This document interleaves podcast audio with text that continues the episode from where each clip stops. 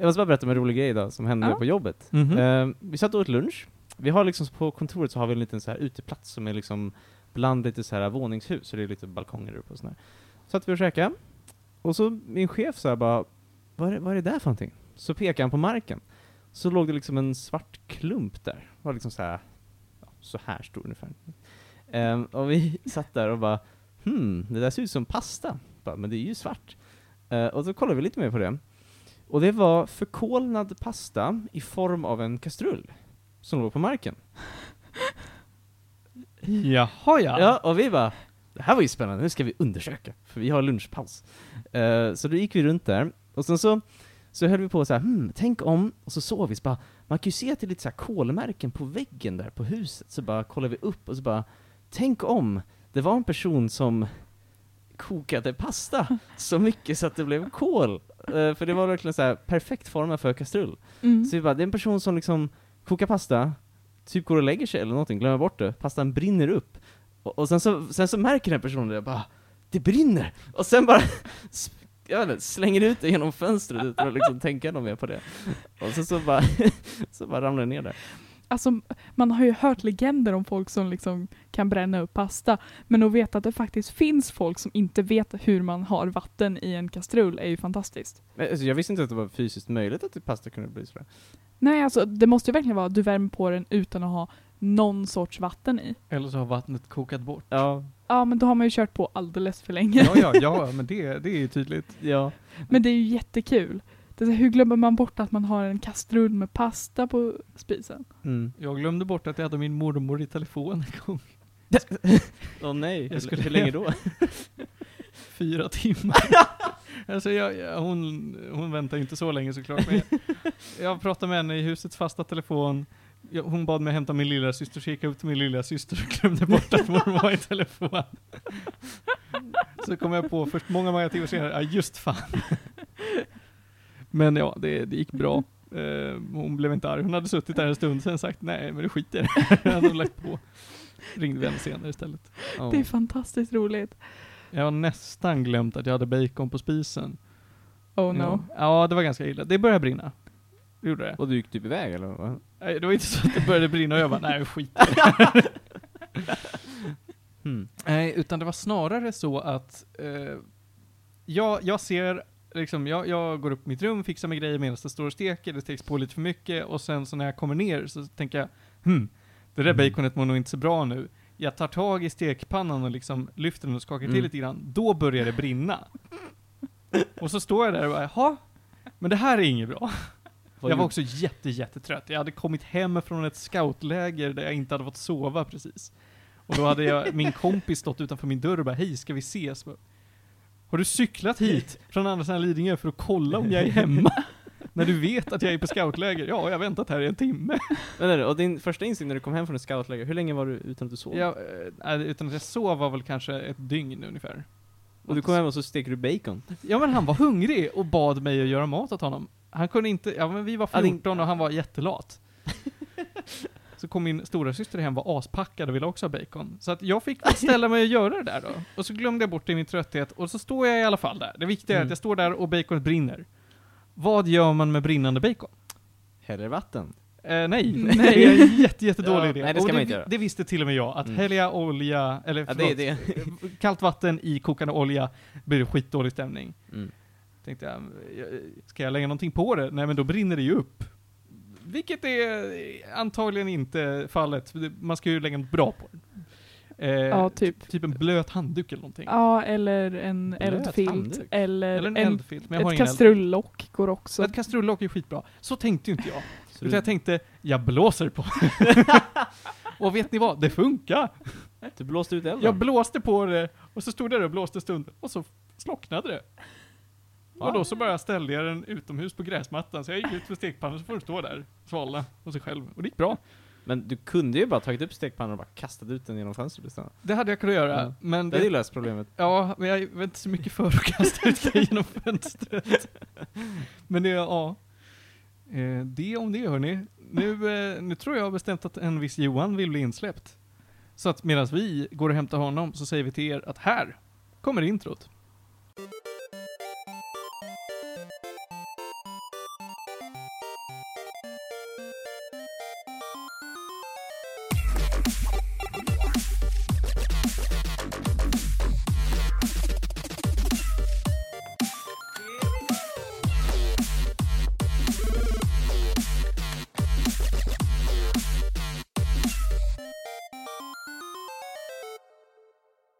Är avsnitt 56 av Medis Radio. Podcasten om all typ av möjlig fin och ful kultur och idag är det fredag. Yay. Faktiskt, vi har haft en otroligt spontan, ska vi väl säga, inspelning. I och med att vi insåg att, oh shit, vi, vi har inte tid.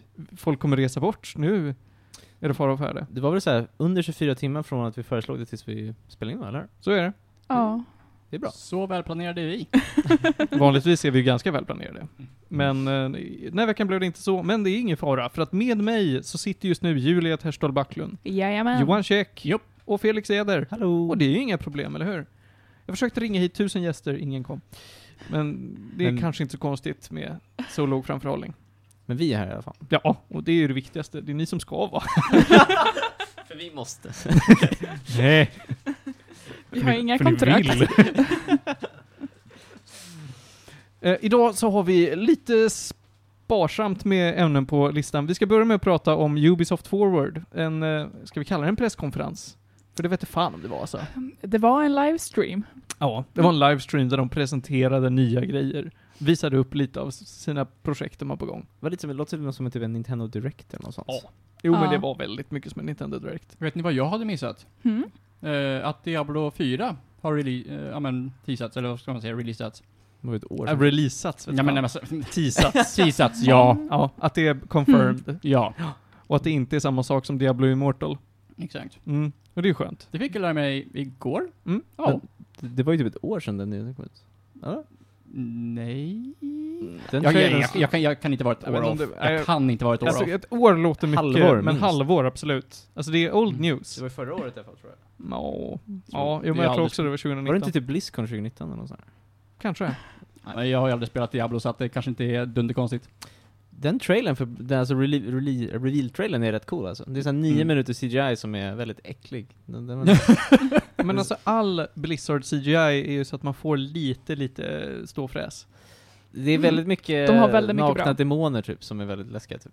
Jag tar tillbaka det här med ståfräs. så kan vi inte hålla på. Eh, nåväl. Vi ska också prata om Far Cry New Dawn som jag lite hastigt och lustigt har spelat här nu eh, de här senaste dagarna. Och Felix, du har sett Eurovision-filmen som jag inte vet vad den faktiskt heter. Den heter Eurovision Song Contest The Story of Fire Saga. Det är Mm. hela titeln. Damn. Det är en lång titel. Och annars har vi kanske inte så mycket. Vi, vi, vi löser. Jag satt och funderade, ska jag prata om mer Ace Attorney? Men jag har liksom ingenting att säga. Jag har spelat mer Ace Attorney och det är bra. Behöver man veta något mer? Nej. Det är som med Joe Bloodborne, jag kommer aldrig ifrån det, men det, det är bra. Ja. Det är inte så mycket nytt att säga. Så därför tycker jag vi kastar oss rätt in i Ubisoft Forward.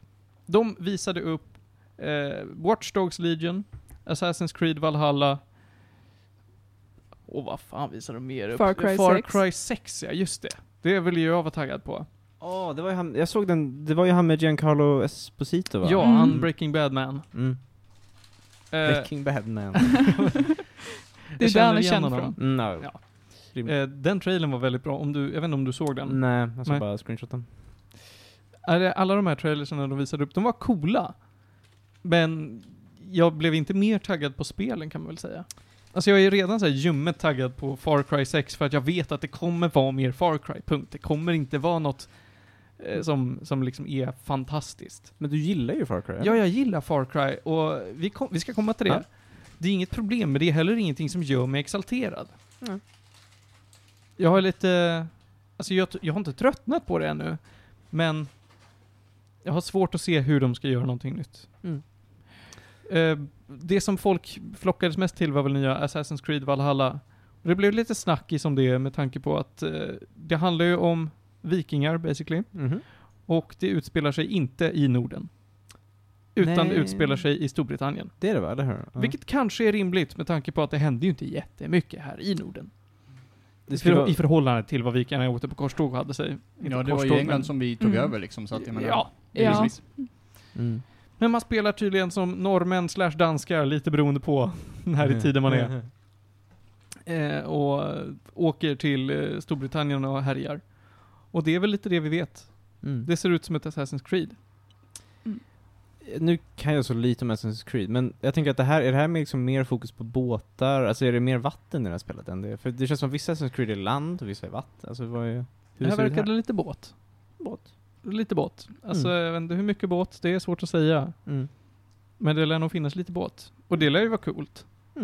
Jag tror att den, alltså det känns lite som att det kommer gå åt samma håll som Odyssey och Origins har varit liksom för att, ja ah, men det finns båt men det är inte bara båt liksom. Finns båt. Fanns det båt i Odyssey? Nej, eh, Origins, förlåt.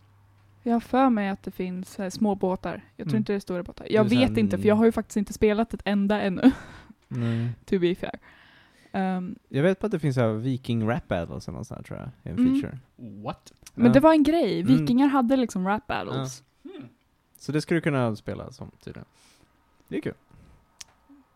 Intressant. Mm. Otroligt intressant. Nu, ja, istället för Sea Shanties i Assassin's Creed 4 så blir det nu spoken word med... Betyder det här alltså att runor som vi hittar är igen, är egentligen nedskrivna lyrics? Det kan det vara. Kan det vara. Jäklar. Coolt. Mhm. Ehm, Vi kan inte disregarda teorin fast förrän motsatsen är bevisad. Eller förrän den är motbevisad. mm.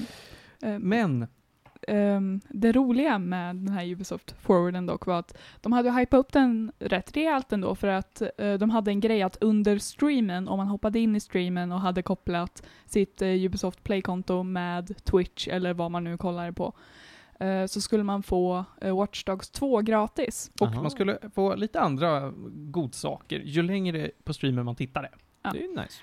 Men alla som tittade fick liksom Watch Dogs 2 gratis, pang bom. Så Mm. det drog ju folk. Problemet var att de hade ju inte infrastrukturen för att stötta det här. Det var ju väldigt många som ville ha ett gratis spel. Eh, Så att det slutade ju med att de fick lägga upp spelet gratis under en hel dag så att man fick claima det lite Mm. när som. För att tanken var att ah, men om du har tittat en minut så ska du få det som en sån här loot... Uh, gud vad heter det? Ja men såhär loot grej. Twitch drop. En Mm. Twitch drop. Eh, och att det skulle fortsätta. De hade inga drops på Twitch. För att Twitch typ halvt funkar inte. Mhm. Eh, det skulle även vara drops på deras så här, partnered, eh, folk som liksom tittade på streamen och streamade dem själva. Det fick inte heller. På Uplays egna sida så funkade inte streamen alls. Den var för överbelastad. Den var för överbelastad. Man kunde inte logga in. Man det kun- som gick var att titta på själva eh, konferensen. Mm. Det Mm. gick. Men ingenting utav det de faktiskt utlovade skulle hända under streamen. Mhm. Så att det var ju lite kaos där. Eh, chatten liksom, som ändå var, det var bara, tror jag, liksom subscribers som fick skriva den, så liksom folk som ändå har betalat pengar till deras Twitch-kanal. Och det enda som var liksom folk som så spammade att eh, man inte kan komma in och att Ubisoft är sämst och sånt. Eh, så att det var ju lite nightmare. Men var det, jag frågar, var det liksom som, var de, var allt var digitalt eller var det filmat på liksom en arena? Alltså var det en plats de var någonstans med Nej, publik? alltså det var så. som en Nintendo Direct. Det Mm. var förinspelad, eh, förinspelade små intervjuer blandat Ja. med trailers och skit. Mm, jag tror de till och med stod framför en green screen mesta Mm. tiden liksom. Och den var ju okej liksom. Mm. Det var ju välproducerat, finns inte så mycket att klaga på. Innehållet tycker jag inte heller man ska klaga på, men just det här med att de hypar upp det så mycket och bara men hörni ni, vi har gjort det till mer än bara en presentation, utan ni ska kunna interagera och få lite grejer, och så Mm. skiter det sig helt. Mm. Då blir man lite ledsen. Mm. Men det känns lite grann som att eftersom E3 var inställd så har alla de här stora företagen, de har väl liksom inte riktigt vetat hur de ska göra, så här, när ska vi få ut våra nyheter, vad ska vi göra med alla de här grejerna? Helt Eh, plötsligt så här, hur, hur gör man marketing? Ja men precis. Hur säljer man spel? Utan E3, vad, vad gör man? Då har man en Nintendo Direct typ. Ja men typ, vilket gör mig lite arg, att folk är så dependent på E3 för att marknadsföra sig Mm. själva. För att E3 har inte gått så bra på senaste åren heller. Nej. Jag är väldigt nyfiken om det kommer bli E3 nästa år, eller hur det liksom, vad de ska göra nu för att rädda det. Nu Ja. när folk ändå typ klarar sig ganska bra utan det, så. Mm. Men det är inte också lite grann för att de på E3 har försökt göra det mer av en show, Mm. mer än att de liksom bara presenterat, "Ja, men det här är Mm. vad vi håller på med, ja, det här kan ni typ se fram emot. Eh, och liksom, journalister kan liksom gå och, eh, ja men, pröva. Mm. Till att bli mer, ja men, av ett jippo, egentligen, som Mm. sänds live. Precis, Ja. för E3 började ju som en industrigrej liksom, och sen så blev det mer publik. Ja, det var väl gjort för Mm. journalister och Ja. investerare va? Jag tror det var någon Ja. sån grej. Mm. Och sen det är bara på senare år det har blivit en sån här trade show Alla ska di- dansa. alla ska dit och det är coolt att kolla på och så. Mm, man ska spela något konstigt flöjtinstrument och ha någon cinematic och det blir konstigt. Mm. Ja, det finns mycket moment från E3 som man ifrågasätter så här i efterhand. Mm. Väldigt många. Det ska vi inte nämna nu dock. Det, blir, ju- det är ju nästan som eh, spelvärldens Eurovision. Oj, oj, oj. Och i och med att vi är klara med Ubisoft For- Forward så vi tycker jag vi kan, Ja, ja, men det, är, det finns inget mer att säga. Jag är ju inte taggad på någonting av det, men jag kommer antagligen köpa dem när spelen kostar liksom en krona. Det, jo, vet du vad? Det kan jag faktiskt nämna att i och med att de har haft den här, eh, jag vill fortfarande inte kalla det för konferensen, men Ubisoft Forward helt enkelt. Så har Uplay haft mega-rea. Mhm. Och den har också spridit sig till andra plattformar där Ubisoft eh, publicerar sina grejer. Så att vissa grejer finns ju på Steam, Mm. vissa grejer finns på Epic Games och så vidare. Mm. Och satan i gatan vad billigt saker det varit. Så jag slog till Mm. och köpte Assassin's Creed Rogue, som tidigare var konsolexklusivt. Ja. Jag köpte Origins och jag köpte Odyssey. Vad kostar Origins nu? Nu kostade Eh. det 129 tror jag. Ja, Alltså det, det, alltså Gold Edition kostade 179. Ja. det är det enda som Creed-spel jag är lite intresserad bara för att jag är väldigt intresserad av just Egypten. Och då är det så här, Mm. man ska börja någonstans kanske med det, men jag är samtidigt så här, åh, nej, jag, jag får se. kanske. Jag köpte alla tre för att det var superbilligt. Det, totalt gick det på 300 spänn för att jag hade en rabattkupong. Mm. Men alltså Rogue kostade 65 spänn tror jag. Mm. Jag vet även deras så här jättedyra versioner som typ Odysseys Ultimate Edition som kostar 1 och 2 Mm. kostade under 400 spänn. Ja. Eh, Så bara att för att- köp inte saker på release, gör det bara inte. Om det inte är Cyberpunk. Nej men nu lägger du av. Du ska inte köpa det heller. Och du deras Säger du som har köpt? Cyberpunk? Jag har förhandsbok- sett den. Mm. Och det är kaos. Mm. Cyberpunks pre, pre, vet du det, förhandsboket typ ett år sedan. Det har jag förvisso också gjort, men det var för att jag hade ett presentkort som höll på att gå ut. Men eh, jag, du köpte Last of Us typ på Mm, release? Eller ja, jag fick det ju faktiskt i födelsedagspresent så. Ja, okej, okej, fair enough. Ehm, det är också så här. jag ska inte säga någonting, men jag, det går långsamt. Ta mig framåt. Ja. ja, men du får säga det. Jag ska säga när jag är klar med det. Jag, jag ser i dina ögon vad du känner. Det är blandade känslor. Kan Ja. man laga mat? Nej, och jag, om de- om de hade matlagning. Zero out of five. Eh, förlåt bara, jag är bara nyfiken, vad tycker ni om uh, Watch Dogs-spelet? För det är väl lite så här coolt har jag hört, Allegiance, så att det är lite speciellt va, eller hur? Ja, alltså jag har ju spelat Watch Dogs 1. Jag har spelat Ja. Watch Dogs 2. Jag tycker båda är okej spel, inte värda mer Mm. än typ 200 spänn säger vi. Mm. Och det nya verkar som mer av det goda och jag gillar gimmicken med att man kan spela Mm. som vem som helst. Det är lite coolt. Frågan är ifall det gör att det finns några få arketyper, vi säger åtta arketyper och så Mm. alla blir då helt själlösa. Ja. Ja, det känns som att det är risken. Ja men det är, det är en risk, men, men jag är ja, förväntansfull utan att vara taggad. Mm. Men hörni, från Ubisoft Forward rör vi oss vidare mot Eurovision-filmen Rise of a Firebird. men det heter nästan det. Ja, vad var det? Eurovi- Fire Saga va? Ja, Eurovision Song Contest, The Story of Fire Saga. Story of Fire Saga.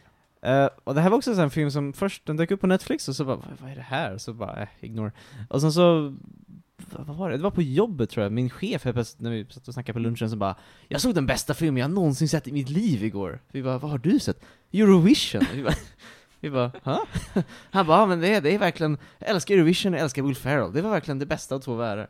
Jag bara, ja vad kul så. Uh, eh, och sen så var jag förra helgen hemma hos mina föräldrar, och så bara, ska vi se någon film? Och så, så bara, men vi ser Eurovision, jag har hört att den är kul. Mina föräldrar och min familj gillar Eurovision. Så vi såg den. Jag var faktiskt rätt överraskad hur bra den var. Den var, hur ska man förklara det här? Det här är ju sen, det känns mycket, väldigt mycket som en Will Ferrell-film. Den är ganska så här. äh, ja men vad ska man säga, lite Zoolander, lite den stilen av komedi på något sätt. Det är regisserat av samma person som gjorde typ Wedding Crashers och sådana, så det är ändå en ganska så här erfaren regissör som har jobbat med Will Ferrell förut, som jag inte minns vad han heter.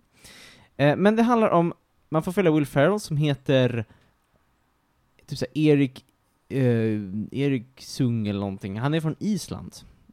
Han och Rachel McAdam är liksom två Eh, två barn som växer upp, de är typ i syskon men kanske inte, det är lite oklart, så det är lite mystisk romans mellan dem också, för man vet inte riktigt. Halp. Det är introt ungefär i filmen. De är liksom två barn som ända sedan de såg Waterloo i, på 70-talet, så har de sagt vi ska ta oss till Eurovision. Eh, och det är liksom deras dröm. Och så får man följa dem när de har växt upp, de är liksom ganska gamla nu, de bor hemma hos sina föräldrar, spelar bara musik, alla de känner är ju fiskare liksom, för de bor, de bor inte i Reykjavik, de bor i någon liten by ute i, på Island någonstans, så det är inte så mycket att göra där liksom. Men de kör på, de, varje fredag så spelar de i baren där, Och de vill alltid spela, de, de har ju väldigt mycket nytt material hela tiden, men det är ingen som vill lyssna på det. De vill aldrig bara höra de gamla Eurovision-låtarna som är så tråkiga liksom. Um, men sen så är det ju så här att de skickar in ett förslag till en låt de vill vara med.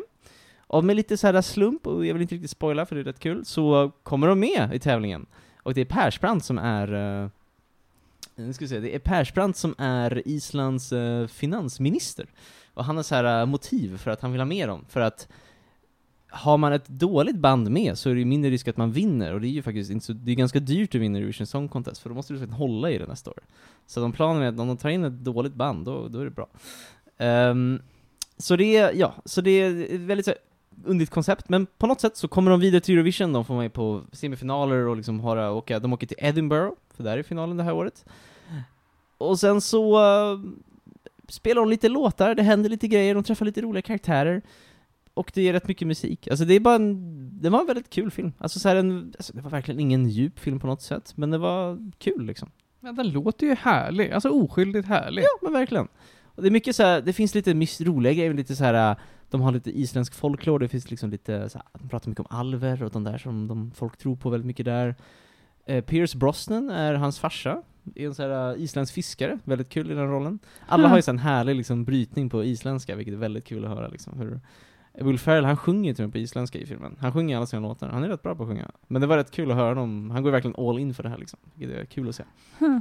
Fire Saga är ju, jag, vet det, jag kom in när min syster och hennes familj kollade på den här filmen, så jag har sett slutet Ah, det Mm. på den. Nej, Ah. slutet har jag sett. Ah, okej, ja. Eh, och Fire Saga är ju, det är, det är två personer, det är Will Ferrell Ja, och... eh, Rachel McAdams. Precis.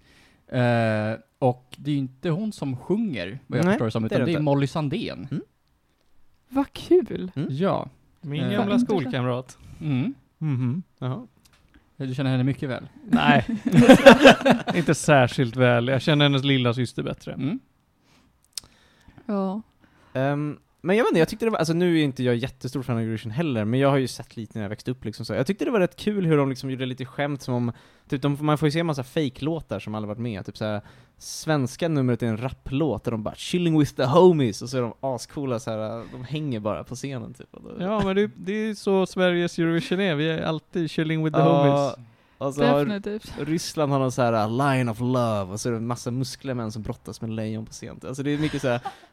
Alltså, det, var ju, det var ju det enda numret jag faktiskt såg av den filmen. Line of Love. ja, jag måste säga att den fångar liksom the spirit of Eurovision Ja, verkligen. så, så bra. Texten är så töntig och dålig. Men alltså hela känslan av Eurovision finns verkligen Ja, där. det Jag var så kul älskade att det. Vad nice.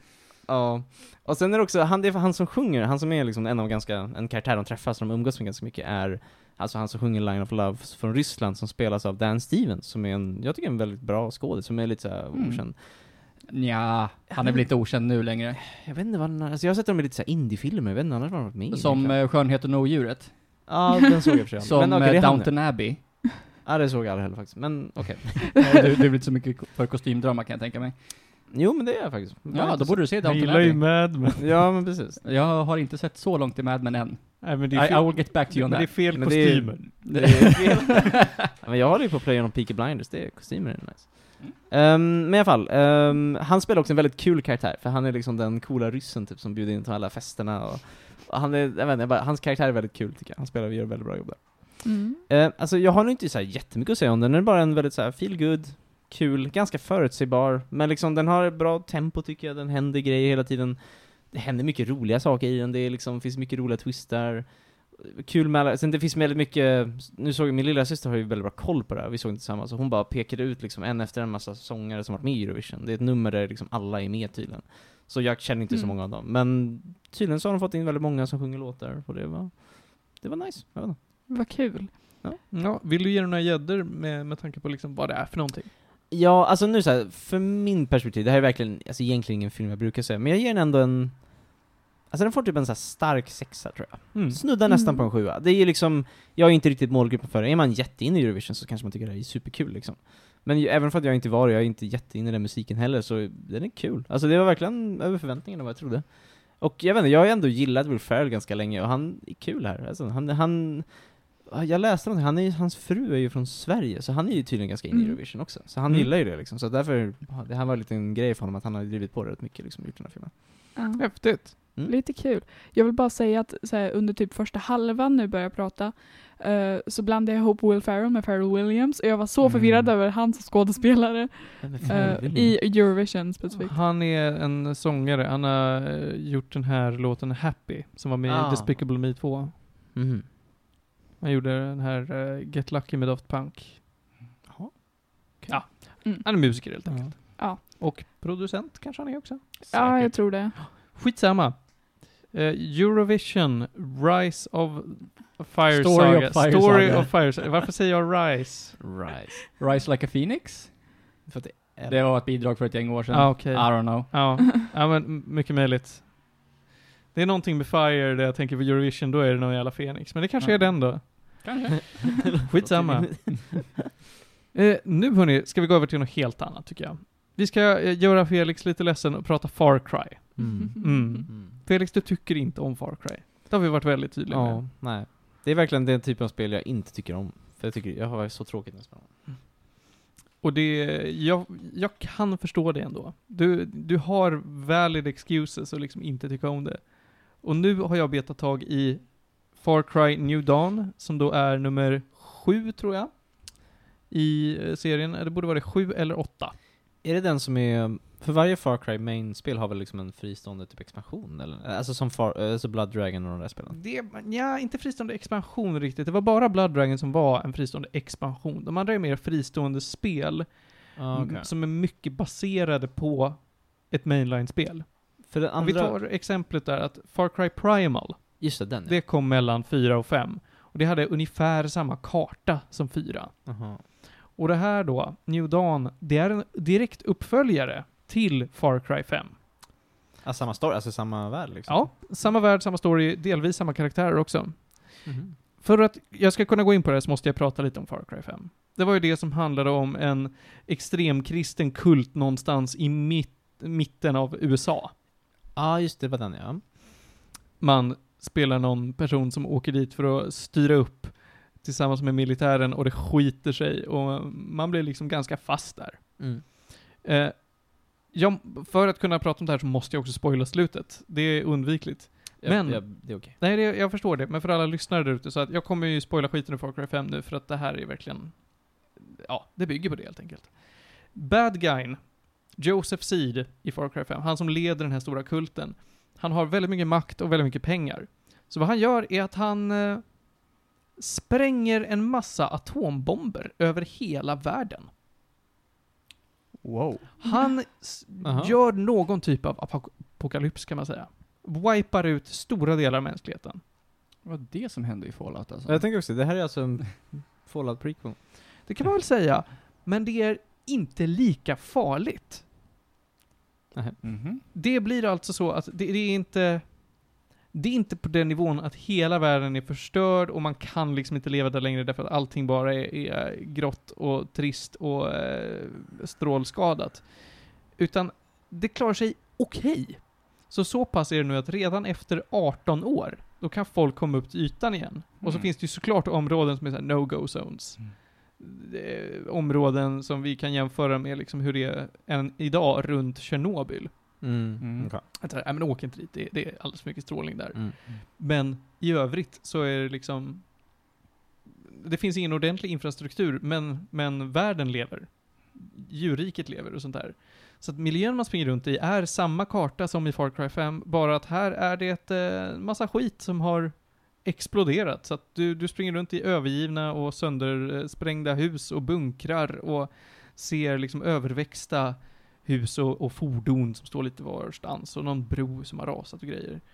Eh, och det är väldigt vackert, ka- ska jag säga. Alltså Mm. det är väldigt mycket fokus på, på eh, att naturen ska vara exceptionellt vacker, vilket den kanske inte, alltså den var väl okej i Far Cry 5, men den var väl lite tråkig jämfört med de här fantastiska vyerna man har fått i 2, 3 och 4. Särskilt i 4 då, när det var, man är i basically Himalaya, eller Nepal.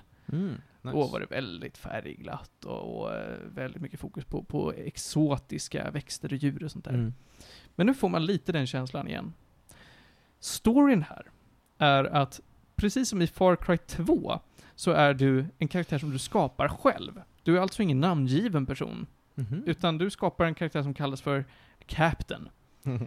Ja, det, det är en ganska löj, ja, löjlig story. Jag skapade en, en eh, kvinna i camo-utrustning som senare fick på sig riddarrustning för att man kan låsa upp det. Jag tyckte det var coolt. Eh, som då, tillsammans med en man som heter Thomas Rush, åker runt med tåg på den lilla tåginfrastruktur som finns om man försöker reparera tågrälsar för det är ett bra transportmedel. Runt om i USA för att bygga upp olika samhällen. Styra upp helt enkelt. Här då i Hope County, som då är samma plats där, där eh, Far Cry 5 utspelar sig, då har saker dock gått åt helvete, för det har ju såklart kommit någon typ av gerilla alla Mad Max. Det är ett, ett eh, enormt gäng med banditer som härjar och bara lever det goda livet, som leds av två stycken tvillingar. Mm. Och de är spelets antagonister då. Eh, och du, eh, de kapar ditt tåg, det blir knas och du eh, överlever lyckligtvis den här tågkraschen, men Mm. de flesta andra dör. Så du måste försöka återuppbygga samhället, eh, upp till kamp och besegra de här tvillingarna. Och det, det är storyn, du gör det. Det tog mig 10 timmar att göra, Mm. och då klarade jag alla quests, samlade på mig alla collectibles också, av bara farten. 100% alltså? Nej, jag gjorde inte alla. Det finns något så här sidoläge som kallas för expeditions, som är, verkar vara en multiplayer-fokuserad grej, men jag gjorde det single player. Mhm. Det är en cool feature på, i papp, på papper och säkert multiplayer, men jag tyckte det var rätt trist. Du har en helikopterchaffis som kör runt dig över hela jävla USA. Mhm. Vilket är jättekonstigt. Ja. Ja, för Det är hela kartan USA? Nej, men du åker till lite sidokartor. Tänk att du åker Mm, till en okej. annan, annan bana basically. Mhm. Du åker runt hela USA och raidar olika, mm, ja, eh, såna här eh, bad guy-ställen helt enkelt. Så att bland annat så är man på Alcatraz, Mhm. åker in dit, eh, raidar någon viktig komponent och drar hem igen. Du åker förbi någon stor, eh, vad heter det? Hangarfartyg heter det. Eh, och så gör det, det finns 21 olika, jag kör typ fyra. För det var, alltså det belönar sig mest med resurser som du kan hitta på andra ställen. Jag ville mest ha lite exklusiva resurser för att få de bästa vapnena. Mm. Eh, de gjorde jag inte då allihopa, men annars gjorde jag allt som spelet erbjöd. Och det var nice. Det var nice. Det var väldigt, eh, det överraskade mig ingenting. De introducerade knappt någonting nytt. Eh, det, det skulle jag väl säga att det är lite som i Blood Dragon, att de har lite superpowers man får. För att en viktig del i alla Far Cry-spel är att det finns en knarksekvens va? Så man blir Det, lite är av det, en det finns alltid något sånt va? Ja. Mm. Här är det eh, en knarksekvens att du äter ett av Guds eh, äpplen från, från Edens lustgård, Jaha. eh, basically. Och får lite gudalika krafter. Jag använde ingen av de här förutom dubbelhopp.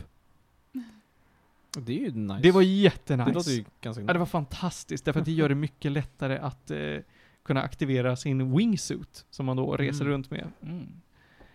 Det är vår gardin som står och slår. Mm. Ja, jag förstår det, men det är fortfarande lite... Det blåser. Eh, en fantastisk nice feature, helt enkelt, med dubbelhopp. Men det finns andra saker som gör att du är osynlig, eller kan ta mindre skada en stund, eller något annat skit. Mm. Men annars så är det liksom, det är ett Far Cry. Mm. Det är samma vapen som vanligt, samma fiender som vanligt, samma struktur. Du åker, tar över små outposts, gör uppdrag, samlar på dig collectibles, klättrar Mm. lite grann, hej och hå. Finns inga, finns inga såna här torn man ska aktivera i det här spelet. Ja, det är nice.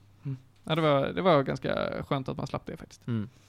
Eh, men jag gillar det. Mm. I vanlig ordning så bestämde jag mig för att nej, men jag är bågskyttemannen.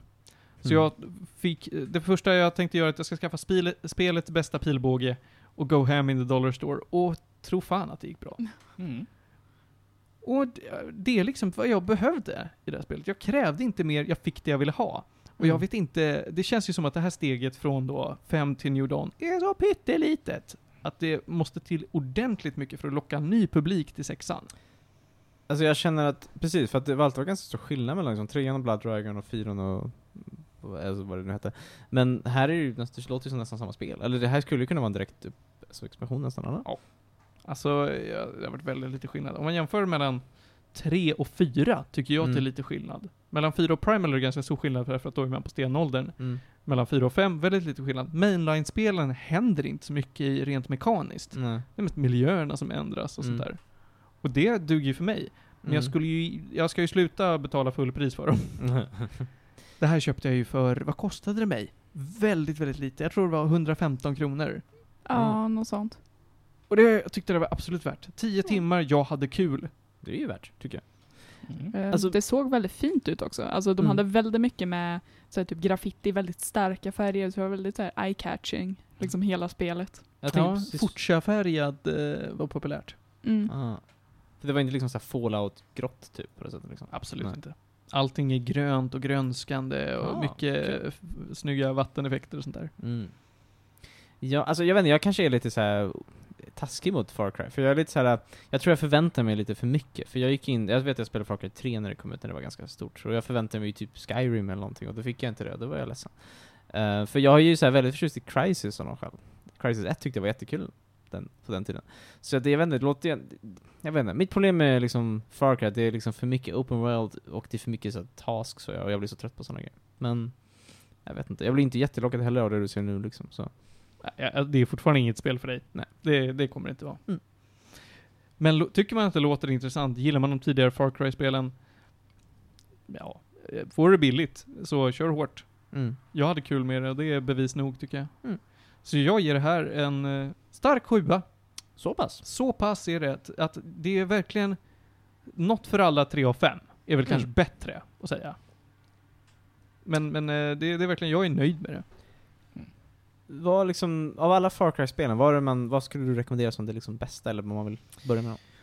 Jag tycker ju, i mitt huvud så är fortfarande trean bäst. Men Mm. när jag gick tillbaka för ett år sedan ungefär och testade att spela trean till Playstation 3 igen, då var det inte perfekt. Mm. Kanske. Det var, kvaliteten på det var lite sämre. Men om man spelar på PC, då tycker jag fortfarande att trean är det som är Mm. bäst tematisk. Det har äh, bäst story, äh, liksom progression och jag, äh, jag vet jag tyckte som den största aha-upplevelsen liksom. skurken var cool. Vad jag minns av det spelet så är skurken rätt cool. Skurken är väldigt cool. Ja. De här skurkarna var ganska töntiga. Mm. Jag säger de här tvillingarna var rätt töntiga. Ah, det var de här vithåriga. Ja, precis. Jaha! Visste inte att de var bad, main bad guys. Jag visste inte att de var main bad guys, jag trodde det var något sidospår. Nej, det, Det enda jag såg var att de typ började slå på dig och sen så hade du, dö, hade du ihjäl dem typ. Ja, men det är lite så. Alltså de kommer och är arga då och då, men jag fattar. Det, det är precis som i alla de här spelen, att du har möjligheten att döda the bad guy lite när som helst i cutscenes. Men du bara gör inte.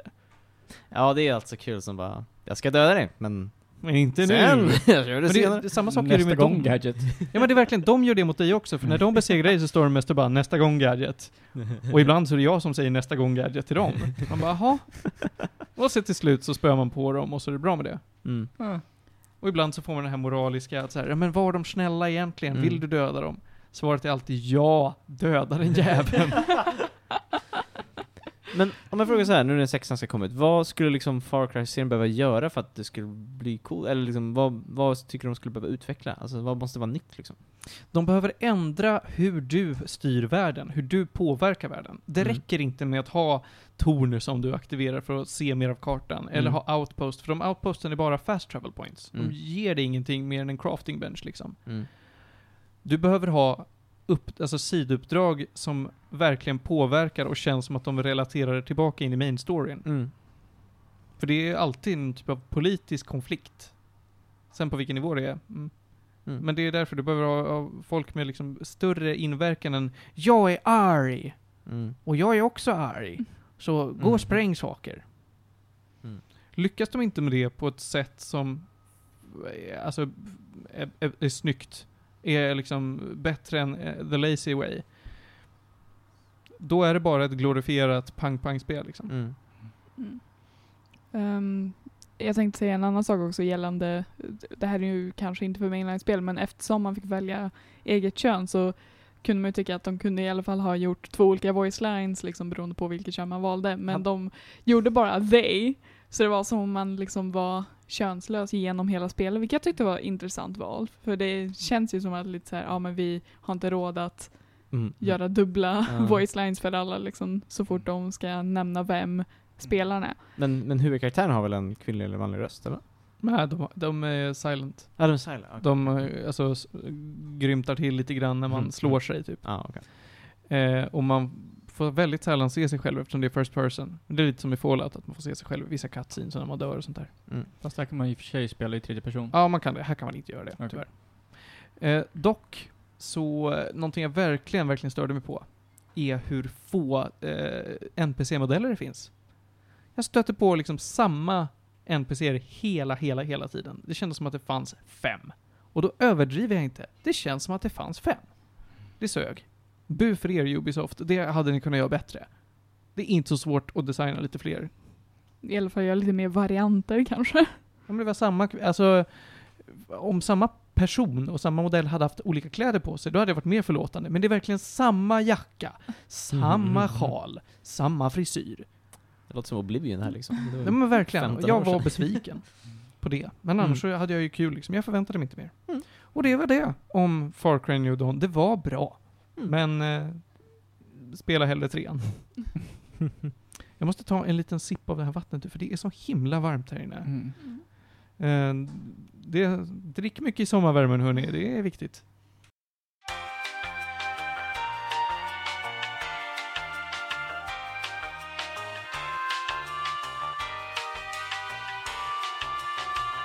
Eh, Pokémon Röd. Mm. När jag var liten, då så spelade jag ju Pokémon Blå. Jag körde det på ett Game Boy Color. Det var fint. Nu tänkte jag att, ja men fan, ska man inte beta tag i Röd också? Och då gjorde jag det. Jag lät Twitch bestämma eh, lite om eh, mina namn och vilka Pokémon jag skulle välja och sånt där. Och det är, det är Pokémon alltså. Det är Pokémon när det är som allra mest basic. Mm. Jag kan inte minnas hur fruktansvärt dåliga moves det är i det spelet alltså. Det har ju inte åldrats väl överhuvudtaget. Nej, Nej. nej. Alltså det är ju, det är ju inte dåligt dåligt. Det är fortfarande Pokémon. Otroligt mycket som är clunky. Ja.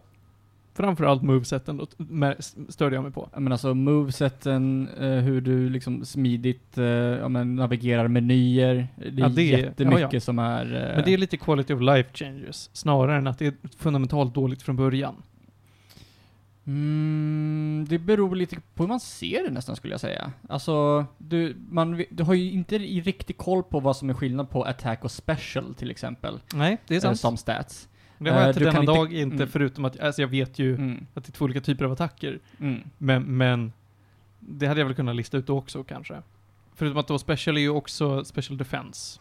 Det är inte helt tydligt. Eh, samt att eh, alltså det, det är väldigt mycket som inte framgår överhuvudtaget. Du, du vet egentligen inte vad det är för typ på movesen du använder. Det är jättemycket som är väldigt, väldigt dolt. Så liksom coren visst är bra för det, det, ja, men det är det som har byggt Pokémon liksom framöver. Men det är så mycket liksom i det spelet som gör att det är svårt att kalla det som en egentligen bra idag. Om jag säger så då. Ja, ja men det kan jag hålla med om att move descriptions och move typing, att det inte visas, det suger. Mm. Men i övrigt, hur de bygger upp menyerna, hur du inte kan shortcutta items, Mm. hur du, eh, ja, hur du distribuerar HMs och sånt där. Det är dåligt, men det är för, alltså det, man kan förlåta det, för att det är också ett ganska lätt spel. Det är ju Mm. riktat till barn, så att det är förlåtande på det sättet att, ja men, det finns inga konsekvenser.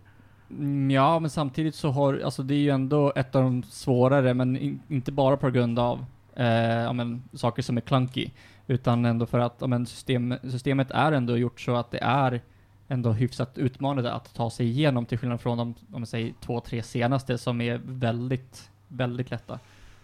Jag vet inte om jag håller med dig riktigt. Mm. Alltså jag håller med om att de nya är superlätta. Men då är frågan ifall, är de lättare för att spelet guidar oss mer och att vi dessutom som spelare är mer erfarna? Eftersom att man måste tänka så mycket på eh, type matchups. Mm. Mm. När det inte presenteras helt tydligt i de gamla spelen, då är det man måste, någonting man måste lära sig. Mm. Har man väl lärt sig det, Mhm. så är det inte särskilt svårt. Jag kom Mm. jävligt långt med att ha bara en Charizard. Ja. Nu när allting liksom ges till dig att den här moven är stark mot det här, det här är jättetydligt kan du läsa vad du får och det Mm. Pokémon får också rimliga moves Mm. till Och- del till sig när de levlar upp och sånt där. Mm. Och att eh, ens rival liksom, nu i de nyare spelen tar en Pokémon som alltid är så här, at a disadvantage mot dem själv, vilket inte är i de gamla spelen. Det är ju en utav Ja, de stora grejerna de ändrat från DS-versionerna, eller Mm. 3DS. För alla de jag har kört har ju varit liksom att om jag väljer eld så väljer de alltid vatten. Eller nej, för gräs menar jag. Mm. Så de är alltid svaga mot ens starter liksom. De gjorde faktiskt en intressant grej i eh, Black and White, där du faktiskt hade egentligen två rivaler. Där din main-rival faktiskt valde den som är stark mot den själv, och den andra Mm. valde ja, men den svagare. Eh, och eh, ja, sen så slåss man mot båda två genom eh, hela spelet. Men sen Mm. så blir det den andra som blir, jag tror champion i, s- nej, han är faktiskt inte champion i slutet. Men det är han som är i alla fall är main-rivalen då. Ja. Men jag håller ju med dig Johan, att de nya är väldigt mycket lättare för att de ger dig mer. Men jag säger inte att det gamla är objektivt svårt. Mm. Ja, det, det är ju svårt uh, circumstantially också lite grann. Ja, helt klart. Eh, också lite om, det, det tycker jag är eh, skitjobbigt, att så många HMs som är viktiga för att du ska ta dig vidare är så väl dolda. Ja, Flash är nog det, säm, alltså det, det värsta Mm. eh, exemplet på, för det, det är ändå en H&M som man lätt kan missa. Mm. Och att man inte klockrent eh, kan eh, kanske fatta det när man går in i första mörka grottan. Eh, Jag spelade igenom den blind ja. Jag lärde mig ungefär hur man gick och så var det trial and error och slåss mot Zubats. ja. Får jag bara fråga en grej? Nu utgår jag för att H&M inte är en klädbutik här, men vad, vad, vad pratar ni om? En HM är en hidden machine, alltså eh, ett item som du ger till en Pokémon för att den ska lära sig en moves. En move. Och de movesen i de gamla, eller ja, alla spelen innan Sword and Shield. Eh, nej, innan Sun and Moon. Sun and Moon är det. Yes. Mm. Eh, kunde du inte Byta ut. Exakt. Eh, det, fanns, det finns TMs också som betyder Technical Machine. Och det är som, vad ska man säga, vanliga moves, de kan du ja, men, lära ut eh, ja, men, hur som helst, byta Mm. ut. Men HMs kunde du aldrig eh, byta ut när du en gång hade lärt den. Och det jobbiga med HMs är att de nästan allt, jag tror alla suger, helt ärligt. Eh, Ja, alltså Eh, det eh, suger i är det- förhållande, men många är, de är inte värdelösa allihopa. De är inte värdelösa, men de eh, fyller absolut upp en slott som eh, kunde ha eh, givits Mm. av någon bättre. Absolut. Det är liksom, de går inte att använda i battle Det, riktigt. det gör de. ja men alltså de är Men, inte eh, användbara. Ja, men de är det fortfarande, det, jag tycker inte de inte är användbara. Surf till exempel. Surf är okej i battle. Den träffar flera, den har okej Okej. Mm. med, med både accuracy och damage. En av de bättre skulle jag En av säga. de bättre. Ja. Men det finns ju bättre alternativ. Mm. Jag håller helt med dig där om att den tar upp en viktig slott som kunde användas som något annat. Mm. Eh, och det, det som är poängen med de här är att de kan användas utanför strid. Och många av dem, om inte alla, måste användas utanför strid. Eh, I ettan eh, då, eller i blå och röd och gul, då har du ju bland annat Fly. Som gör att du då kan fast travela mellan olika Mm. städer. Den är fruktansvärt väl dold. Den är inte obligatorisk. Men eh, you're gonna have a bad time om du inte har den. Mm. Alltså det här var första Pokémon, alltså så det fanns, Pokémon fanns inte innan det här spelet kom ut va? Alltså Nej, inget av var korten väl- eller tv-serien, allt det där kom efter va? Nej men så är det. Det är Ja. blå, röd och grön i Japan. Precis. Jag tror det var röd och grön i Japan först och sen så gjorde de eh, röd, blå.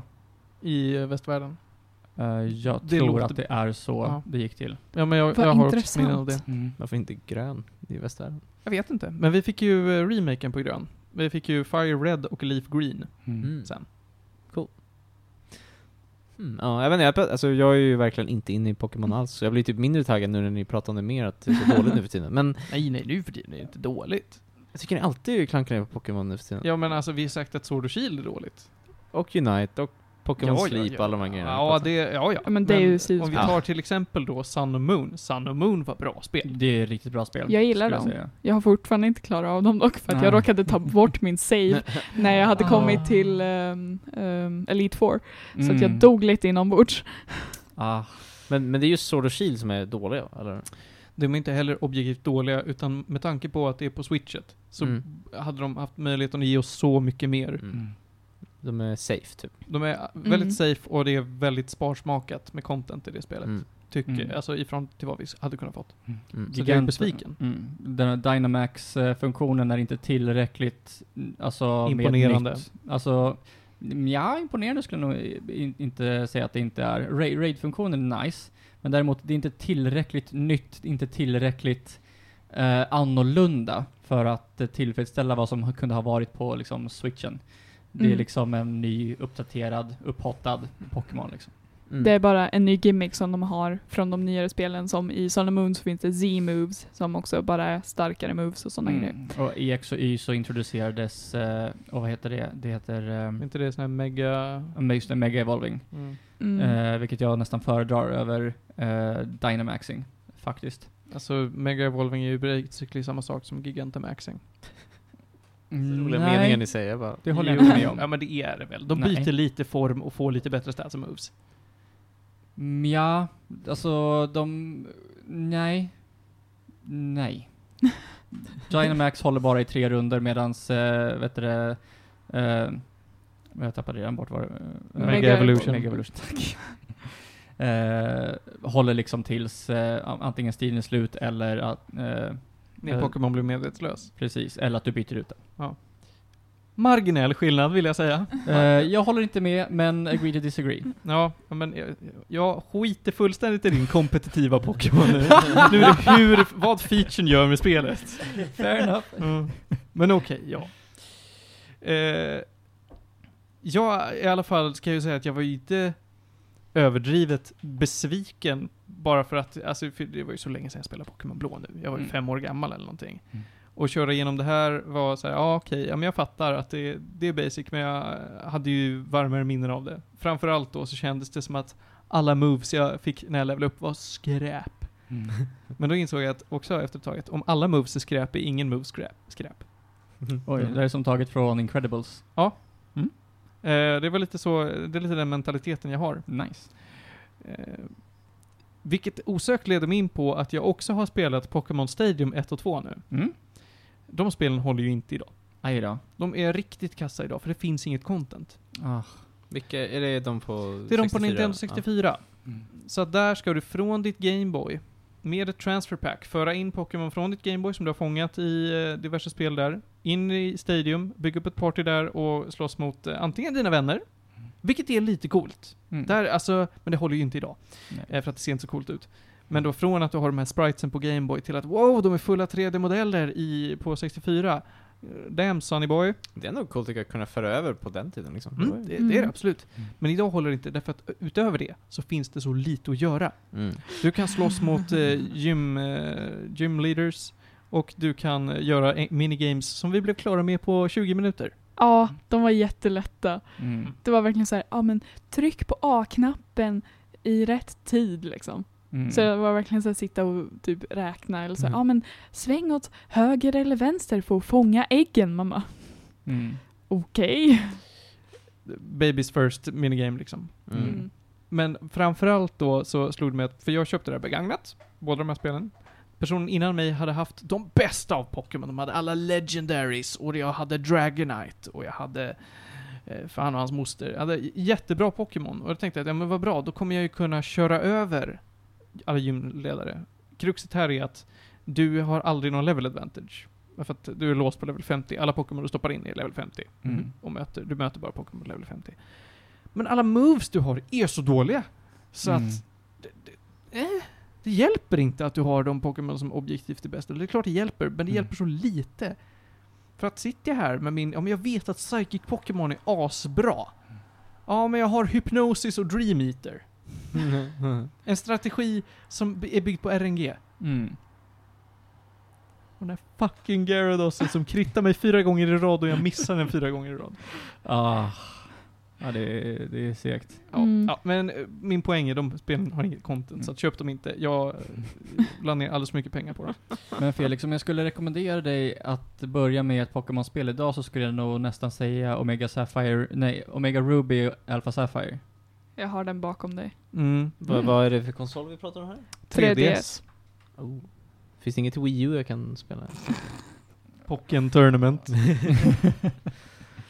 Ja. Nej du, tyvärr. Ja, tack för tipset. Men jag, det, jag vet inte, det här är någonting jag känner att jag, det är nog ingenting jag vill ge mig in i nu känner jag. Jag vet inte. Pokémon är så här. jag har aldrig spelat det och det är någonting, nej, jag är inte så himla taggad alltså, jag vet inte. Det är okej. Mm. Mm. Eh, det är ingenting för alla, men det är ju en så pass stor franchise så att det, det är Mm. något för tillräckligt många. Vet du vad, vet vad, man- vet vad man kan göra? Så framförallt i Sword and Shield, men i de, också i de flesta Pokémon, man kan laga mat. Är det så? Jajamän. Ja, det Ja, nu, nu blir jag lite taggad ändå. Den Ja, featuren är så tråkig. Det känns, på, så- i Sword tycker jag att de kunde gjort något så mycket roligare med Men lägg av nu. tält. Vi, vi försöker haffa honom här. Ja, ja, men laga mat är kul. Laga mat är kul, för det ger bu- buffar och eh, gör så att du kan evolva vissa Äter man den själv eller ger man den till Pokémon? Man, kan ge, man ger dem, delar dem med sina Pokémon och med andra tränares Pokémon också. Man kan laga Trevligt. mat tillsammans med andra spelare. Mm. Det är du. Hmm. Alltså, jag, jag, alltså här, jag respekterar Pokémon ganska mycket. Jag lärde mig för ett tag sedan att det är tydligen världens mest inkomstbringande franchise någonsin tydligen. Alltså så här, och då inte bara spel utan merchandise och kort och alltså, Ja. Mm. Poké- Huh. alltså det är mer än Final Fantasy och typ Harry Potter och så här, alla, alla andra stora franchises. Mm. Inte omöjligt ändå. Nej, men Poké- jag tänker att Pokémon har väl tjänat ganska mycket på merchandise, så Mm. att de är ju Mm. bra på det. Ja. Så, Eh, jag bara tänker tillbaka på alla Pokémon-kort jag har ägt liksom, genom Ja. min tid. Som jag både har köpt själv, fått Mm. utav folk som hade då köpt till mig eller fått begagnat Mm. liksom. Och nu när jag flyttade så uh, hittade jag en hel del Pokémon-kort som jag trodde att jag hade gett bort till mina syskonbarn, men som jag var så glad över att jag inte hade gjort. Jag hittade en, uh, vad heter- det, foil uh, Zapdos, Oh. bland annat. Jag hittade foil, uh, åh, fasiken jag kommer inte ihåg. Jo, jag hade en foil med Champ också. Nice. Uh, och foil Lapras. Oh. Hade du också en sån här promo Mew? Uh, inte Mew, men uh, Pikachu från uh, filmen som man Mm. bara fick när man gick på uh, Ja, precis. första. Nice. Ah, nej, den enda foilen jag hade var en foil Raticate. Ja men alltså det är fett nice. Alltså jag menar, Ja. foil anything är... jag, jag jag tar faktiskt tillbaka det. Jag har ju också spelat lite Pokémon-kort när jag var liten. Det var så här. Jag, jag spelade aldrig, jag bara hade dem. ja eller Så- typ hade dem och, ja. och tradade. jag, jag tror jag körde en match och sen bara, nej men det här var ju inte kul, vi tradar. ja. Jag däremot har spelat väldigt mycket Pokémon-kort. Och Ja. jag tycker att det är ett väldigt kul kortspel. Mm. Jag skulle gärna spela det mer. Mm. Ja, jag, jag vet alltså jag spelade nog inte så mycket, men jag hade kort i alla fall när jag var liten, det vill jag. Det var det och Yu-Gi-Oh! typ. Mm. Det vore någonting jag gärna skulle se, jag ska inte kalla det en remake av, men ett eh, lite mindre spel de gärna får släppa. Ett nytt Pokémon Trading Card Game digitalt. Det finns ju gamla till Gameboy. Ja, de har ju Mm. en gammal till datorn, men den funkar ju knappt. Ja, nej, men jag tänker att, att Game Freak eller någon som Nintendo väljer att ge det till kan få göra Mm. ett modernare eh, Pokémon Trading Card Game. De har ju, eh, de gör ju fortfarande världsturneringar i VCG, men jag vet inte Mm. vilket det är. Eh, vad, vad det heter, det. Pokémon-spelet. Men de kör ju fortfarande, ja men som sagt, världsturneringar. Så att, Jo men det, det finns, Mm. absolut, det finns. Men jag tänker någonting i stil med kanske Yu-Gi-Oh! Duel Links snarare än nu har vi en simulator. Mm. ja, jo. Alltså det är väl en populär marknad nu med kortspel, det känns som de borde köra på. Ja, kanske. Det känns som att det är lite både och. Alltså, Kanske lite matat nu med alla de här kortspelen som Ja, finns. alltså Ja. Magic the Gathering Arena fortsätter ju att växa nu. Mm, Ja. ju... mm. Ja. Men samtidigt så dör ju, eh, vad är det, vad är det Riots? eller eh, nej? Nej, Artifact. Artifact, Det, det är ju Valves, det Just det. Ja. Det är väl borta. Så att eh, Ja. det är väldigt eh, blanda och e skulle jag säga just nu. Det är, det är risk, men det är väl high risk, high reward också. Ja, just nu kanske. tror jag. Mm. Och eh, Förlåt. Ja, det är vad, vi vet så eh, sysslar inte Nintendo med high risk. Mm. Nej. Nej. Mm. Nej du. Eh, vi har precis tittat på en kille som har pratat om Chibi Robo-serien idag. Du ser, Johan, du vet inte ens vad Chibi Robo är? Ingen aning. Det är sex stycken spel i Aha. Chibi Robo-serien. Alla är Nintendo-exklusiva. Aha. Mm. Det är från och med GameCube till och med 3DS. Eh, Och det är liksom, det är spel som Nintendo har då satsat på. De har gått okej i Japan. De har inte satsat på dem i västvärlden, då går de dåligt i västvärlden. ja. Ett av spelen har liksom varit, eh, när de har släppt det i, i västvärlden och bara, men nu ska vi köra, då är det Walmart exklusivt. Mm. Och första Chibi Robo kom ut till GameCube 2006. All right. Vilket är fruktansvärt sent i GameCube-eran. fanns Ja. ju Wii redan eller? Jag tror det. Mm. Jag tror det fanns Mm. Wii. Mm. Så att, eh, ja. Det var lite dumt to fail, men de har inte gjort en tjänst helt enkelt. Så att, det är också ett exempel på hur safe Nintendo är. De vågar Mm. inte ta risker. Mm. det- Deras det- senaste mm. spel i den serien var liksom en 2D-plattformer för att Mm. alla deras spel till 3DS då var 2D-plattformers. Mm. Men det är ju, alltså en stor del är att om, om inte USA satsar på det, då kommer det inte någon över någonstans heller. Så det Mm. måste ju liksom, om- för antagligen så kommer det ju, och det, vi vet att det kommer mycket mer i Japan liksom, men det kommer Ja. ju inte någon annanstans om inte USA eh, släpper det. Om man kollar på, har, är det någon av er som har spelat Oendan? Nej. Mm, aldrig hört. Eh, har ni hört talas om eh, det här eh, eh, trycka på eh, knappar i, eh, i, i, till rytm, OSU? ja. Ja. det jag har hört talas om Det här är alltså eh, originalet egentligen, som eh, men spanade då eh, Osu. Det är, hela titeln är Os Tatakae Oendan, som alltså är basically cheerleaders som eh, hjälper eh, medborgare i, eh, ja, men, runt om i eh, Japan att när de är, känner sig riktigt eh, nere, de behöver hjälp med någonting, då ropar de på Oendan som kommer in och bara så här peppar dem så att de kan så här, klara någonting. Så första uppdraget i första spelet är en eh, student, han, han, han klarar inte av att plugga så han ropar på Oendan som bara trycker in dörren och liksom bara peppar honom till att, ja men, klara sig liksom. Eh, och det släpptes aldrig i västvärlden tills de Mm. gjorde en västversion av det här spelet som heter Elite Beat Agents. Och det, Det- vet jag vad det är för spel. Det vet jag också. Mm. det har jag hört faktiskt är bra. Mm. Ja, jag har också hört att det är bra Men spel. inte i förhållande till Oendan. Oendan har soundtracks som är gjorda specifikt för Oendan. Mm. Medans Elite Beat Agents, till exempel, de har ja, men bara tagit liksom, tracksen och ja, men, tjoffat in dem, typ eh, alla harm, eh, rockband, Guitar Hero. Eh, och funkar inte riktigt lika bra. Storyn funkar inte riktigt lika bra. Så att det är fortfarande nice, men en skugga av vad eh, Oendan var. Mm. Eh, men ändå, det var nice att se att de ändå tog, det är ju ändå en lite grann risk som de tog, I guess. Eh, men de försökte, jag tror de försökte för hårt med att uh, västvärdifiera Oendan. Och därför blev det inget bra. Men eh, konceptmässigt så vet vi att det har funkat eftersom det är jättestort med Osu. ja. Ja, verkligen. Alltså, det var ju folk som satt och spelade konstant på lektionerna eh, under min gymnasietid liksom. Mm. Ehm, Jag satt och spelade konstant under lektionerna i min gymnasietid. så. Och det här var alltså ett spel till eh, en Nintendo DS, eh, första ska Mm. nämnas. mm. Det finns Ja, det har väl kommit datorn, va? två till DS bara va? Två stycken ja. Ja. Båda två är riktigt bra skulle jag säga. Ja. Mm. Ja du. Mm. Men eh, summan av kardemumman är att Nintendo gillar det här med att safea och vågar de liksom doppa tårna i det kalla vattnet, då gör de det ofta halvhjärtat. Ibland räcker det, ofta räcker det ju inte. Och om det tar stopp så är det oftast eh, USA som bara nej, det här funkar inte. Så är det. Mm. Därför vi i Europa får den lilla, lilla kockbiten till slut. Mm. Mm. Om vi får någon kock alls. Mm. En av de största anledningarna till att M3 och R4-kort back in the day, då man eh, tankade ner, ja men egentligen piratade spel för att kunna spela dem, så hade man jättemycket ja, japanska spel för att det släpptes inte i, i Europa. Och det var enda sättet att kunna spela dem, bland annat då ändan. Ja. Ja, och så får man försöka hitta en fan translation som funkar. Ja, den också. Ja. Mm. Nåväl. Jag är bara nyfiken nu när vi pratar så mycket. Vad, alltså nu när du spelar Pokémon Red, sa du va? Mm. Hur, alltså vill du liksom ge dig gäddor nu på något sätt? Eller är det så här ett spel som du får liksom uppskatta för sin, för vad det gjorde för sin tid? Vad Jag tycker du? att jag kan uppskatta det för sin tid och inte behöver ge det gäddor. Mm. Det är ett bra spel, men jag skulle inte säga åt eh, någon att säga men du, fan gillar du Pokémon Sword? Ja, testa Mm. Blue du, det är grejer.